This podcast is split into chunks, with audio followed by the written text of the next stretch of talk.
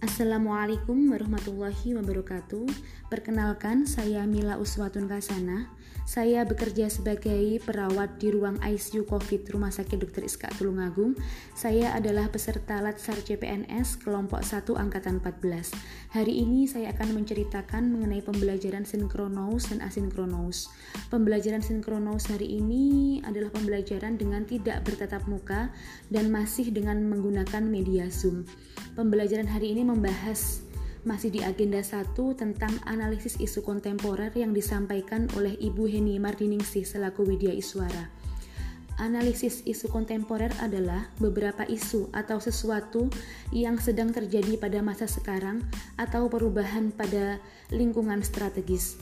Beberapa isu yang banyak terjadi pada saat ini adalah di antaranya korupsi, terorisme atau gerakan radikalis, pencucian uang, proxy war, hoax, serta cybercrime atau kejahatan di media sosial.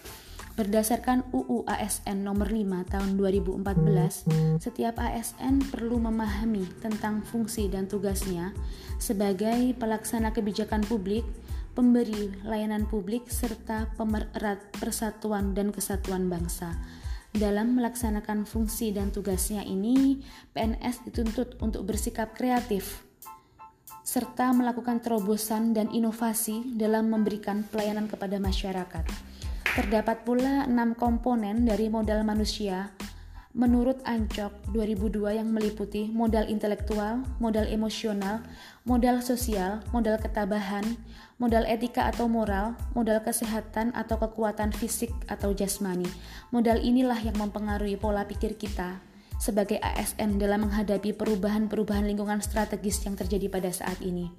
Ibu Heni juga menjelaskan mengenai teknik untuk mengenali isu, di antaranya adalah media scanning, existing data, knowledgeable others, public and private organization, serta public at large. Dijelaskan juga oleh Ibu Heni mengenai tahapan penyelesaian isu di antaranya adalah praanalisis, memilah atau menapis isu, mendalami atau analisis isu, serta alternatif penyelesaian isu.